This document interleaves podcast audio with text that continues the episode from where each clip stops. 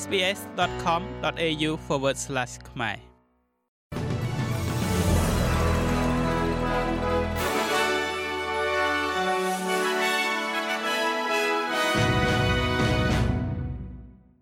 សូមស្វាគមន៍មកកាន់នេតិព័ត៌មានខ្លីៗរបស់ SBS ខ្មែរសម្រាប់ថ្ងៃប្រហ័សទី23ខែវិច្ឆិកាឆ្នាំ2023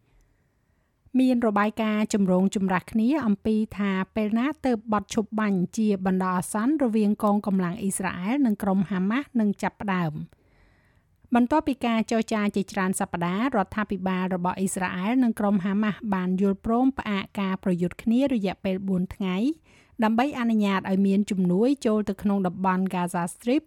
និងមានការដោះលែងចំណាប់ខ្មាំងអ៊ីស្រាអែលយ៉ាងហោចណាស់50នាក់ ជាថ្នូរនឹងប្រជាជនប៉ាឡេស្ទីនដែលជាប់ពន្ធនាគារយ៉ាងហោចណាស់150នាក់មន្ត្រីក្រុមហាម៉ាស់កាលពីមុនបាននិយាយថាបទឈប់បាញ់នេះត្រូវបានកំណត់ឲ្យចាប់ផ្ដើមនៅថ្ងៃប្រហ័សវេលាម៉ោង6ល្ងាចម៉ោងស្តង់ដារអូស្ត្រាលីខាងកើតដែលត្រូវនឹងម៉ោង10ព្រឹកម៉ោងក្នុងតំបន់ហ្គាហ្សាប៉ុន្តែមន្ត្រីជាន់ខ្ពស់អ៊ីស្រាអែលនិយាយថាគ្មានចំណាប់ខ្មាំងអ៊ីស្រាអែលណាម្នាក់នឹងត្រូវបានដោះលែងដោយក្រុមហាម៉ាស់មុនថ្ងៃសុក្រនោះទេ សេចក្តីថ្លែងការណ៍ដែលចេញដោយការិយាល័យរបស់លោកនាយករដ្ឋមន្ត្រីអ៊ីស្រាអែល Benjamin Netanyahu និយាយថាការចរចាដើម្បីដោះលែងចំណាប់ខ្មាំងកំពុងឈានទៅមុខនិងបន្តឥតឈប់ឈរមួយទៀតនោះពាក់ព័ន្ធជាមួយនឹងការផ្ទុះរថយន្តនៅលើស្ពានឥន្ធនូឆ្លងកាត់ព្រំដែនសហរដ្ឋអាមេរិកនិងកាណាដានៅទឹកធ្លាក់ Niagara Falls ដែលបានបណ្ដាលឲ្យមនុស្ស2នាក់ស្លាប់និងឆ្មាំព្រំដែនម្នាក់រងរបួស វីដេអូនៃឧបទ្ទហេតុនេះបង្ហាញពីរថយន្តមួយគ្រឿងដែលធ្វើដំណើរក្នុងល្បឿនលឿនដែលត្រូវបានគេរាយការណ៍ថាមានល្បឿនលើសពី160គីឡូម៉ែត្រក្នុង1ម៉ោងមុននឹងប៉ើងទៅលើអាកាសនិងផ្ទុះនៅពេលធ្លាក់ចុះមកវិញគណៈពេលដែលមានការភ័យខ្លាចពីដំបូងឡើយថាការផ្ទុះនេះអាចពាក់ព័ន្ធទៅនឹងអំពើភេរវកម្មនោះអភិបាលរដ្ឋ New York Kathy Hochul បានបញ្ជាក់តាំងពីពេលនោះមកថាគ្មានសញ្ញាបង្ហាញអំពីអំពើភេរវកម្មនោះទេ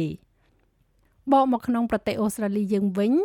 អ្នកស្រុកនៅទីក្រុងផឺតត្រូវបានគេប្រមាថថាវាយឺតពេលហើយនៅក្នុងការចាក់ចេញពីផ្ទះសម្បែងរបស់ពួកគេខណៈដែលភ្លើងឆេះព្រៃដែលកំពុងតែឆាបឆេះយ៉ាងលឿនមិនអាចគ្រប់គ្រងបាននោះបានរីករាលដាលនៅតំបន់ជីក្រុងចំនួន2នៅភាគខាងជើង។ ការប្រមានជាបន្ទាន់មួយត្រូវបានចេញសម្រាប់ផ្នែកខ្លះនៃតំបន់ Meluka និង Chandabab នៅ Wanneroo ចម្ងាយប្រហែលជា36គីឡូម៉ែត្រភាគខាងជើងទីក្រុងផឺតភ្លើងបានចាប់ផ្ដើមឆាបឆេះឡើងនៅជិតផ្លូវប្រសពនៃផ្លូវ Boundary និង Bastard ក្នុងតំបន់ Marikinep វាកំពុងតែឆាបឆេះយ៉ាងលឿននៅក្នុងទិសដៅទៅភាគខាងលិច ហើយមិនអាចទប់ជាប់ឬក៏គ្រប់គ្រងបាននោះទេ។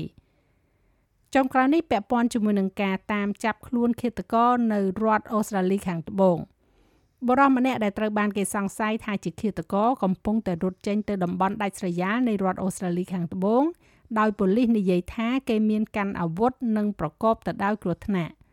មន្ត្រីប៉ូលីសជាន់ខ្ពស់បានចោទប្រកាន់លោក Kevin Jewell អាយុ55ឆ្នាំ ថាបានបាញ់សម្លាប់ប្រពន្ធរបស់គាត់ឈ្មោះ Jody នៅក្នុងផ្ទះរបស់ពួកគេ នៅឯជីក្រុង Adelaide កាលពីល្ងាចថ្ងៃអង្គារមានរបាយការណ៍មកថាអ្នកស្រី Jewel ធ្លាប់ប្រាប់មិត្តភ័ក្តិថានាងគឺជាជនរងគ្រោះនៃអំពើហិង្សាក្នុងគ្រួសារប៉ូលីសកំពុងជំរុញឲ្យបរិះនោះប្រគល់ខ្លួនឯងឲ្យសមត្ថកិច្ច